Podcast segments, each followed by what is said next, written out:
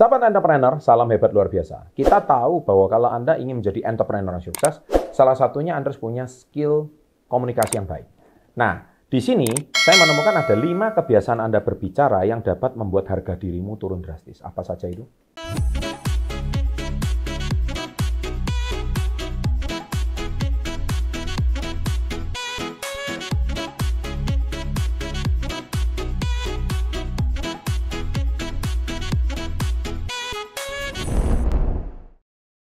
Oke, sahabat entrepreneur, jadi tentunya eh, komunikasi itu ada yang boleh, ada yang tidak boleh, ada yang tidak Anda sadari, ada yang tidak eh, Anda sadari. Oleh sebab itu kenapa kursus-kursus komunikasi itu dijual dengan harga yang sangat tinggi? Karena memang tidak bisa kita pungkiri bahwa tips komunikasi itu menjadi salah satu kunci sukses di dalam dealing apa pun, membangun hubungan apa pun, eh, kemudian Anda itu mempresentasikan diri Anda itu seperti apa itu kuncinya di komunikasi. Nah, di sini ada lima kebiasaan berbicara yang tidak Anda sadari, tapi ini bisa fatal akibatnya. Nah, yang pertama adalah suka menghakimi. Jadi, ketika kita lagi berbicara kepada seseorang, belajarlah untuk mendengar. Maksudnya apa? Pendapatnya itu apa? Jangan mudah menghakimi. Oh, saya tahu. Maksudmu itu gini. Padahal akhirnya setelah Anda ngomong keliru. Teng tong gitu. Jadi hasilnya nggak maksimal. Kelihatan banget kalau Anda punya wawasan sangat rendah. Nah, itu akhirnya membuat harga dirimu itu jatuh. Yang kedua, tidak mendengarkan dan terus-terus berbicara. Jadi Anda mendominasi.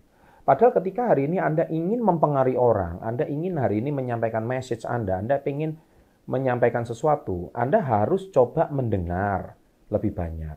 Terutama ketika Anda sedang berjualan atau Anda itu sedang mempresentasikan sesuatu Tentu Anda punya waktu untuk menceritakan produk atau jasa yang Anda tawarkan. Tetapi permasalahannya adalah konsumen itu tidak mau tahu apa yang Anda presentasikan. Dia cuma mau tahu apakah produkmu atau jasamu bisa menyelesaikan masalah dia. Nah, itu dia. Dia tidak tertarik dengan produk yang Anda jual. Percaya sama saya. Dia cuma tertarik masalahnya selesai. Contohnya orang itu gemuk. Kamu cerita produk ini testimoninya bagus-bagus. Nggak guna. Semua jualan juga seperti itu. Yang penting dia bisa kurus nggak? Nah, udah itu aja.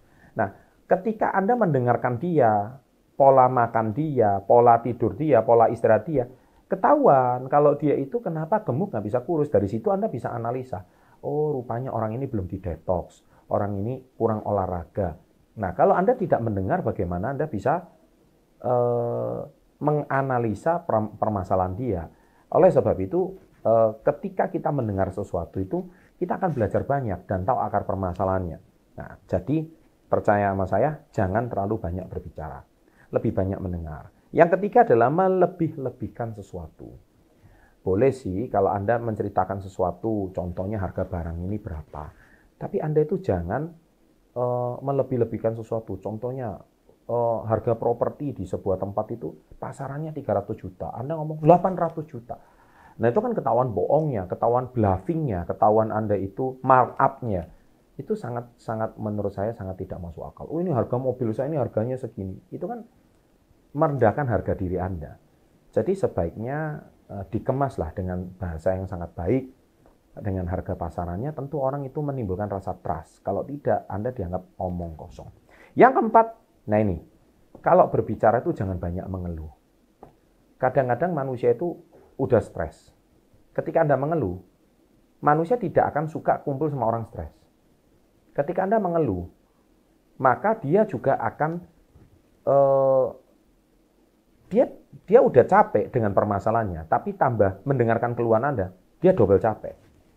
Ya. Kecuali memang orang yang suka mendengarkan keluhan Anda, mungkin psikolog kali, mungkin psikiater kali, atau mungkin pacar Anda yang lagi ngaco kali, ya kan?